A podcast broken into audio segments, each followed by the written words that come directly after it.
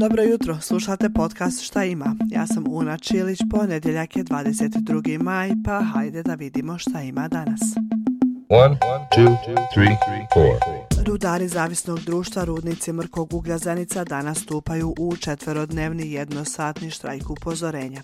Kao razlog za najavu i organizaciju štrajkova naveli su blokade računa poduzeća, te što se nisu povećale stope radnika za kredite prema bankama za mart, kao i nemogućnost isplate istih za april. Štrajk će, ako njihovi zahtjevi ne budu usvojeni, prerasti u generalni štrajk u četvrtak 25. maja.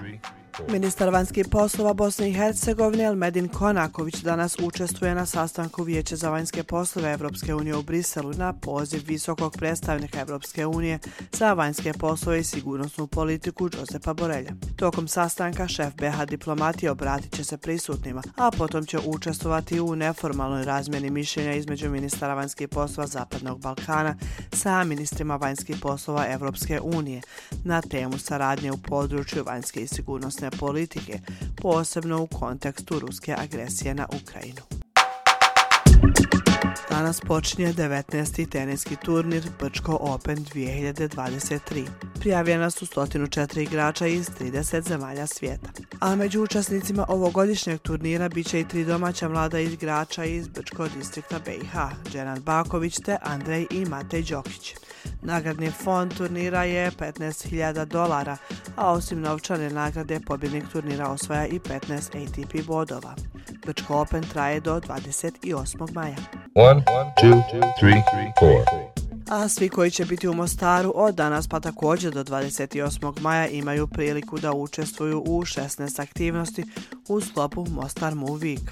Tokom ove sedmice promoviše se dobrobit redovnog bavljenja sportom i tjelesnom aktivnošću, saopštili su iz udruge Zdrav život Kinezis, koja organizuje ovu sedmicu sporta. Uglavnom, ako ste u Mostaru, možete da učestvujete u raznim aktivnostima, počevši od šetnje, zabavne utrke, planinarskih uspona, uličnih sportskih događaja, kao i školskih sportskih događaja te aktivnosti koje se organizuju za osobe sa poteškoćama u razvoju.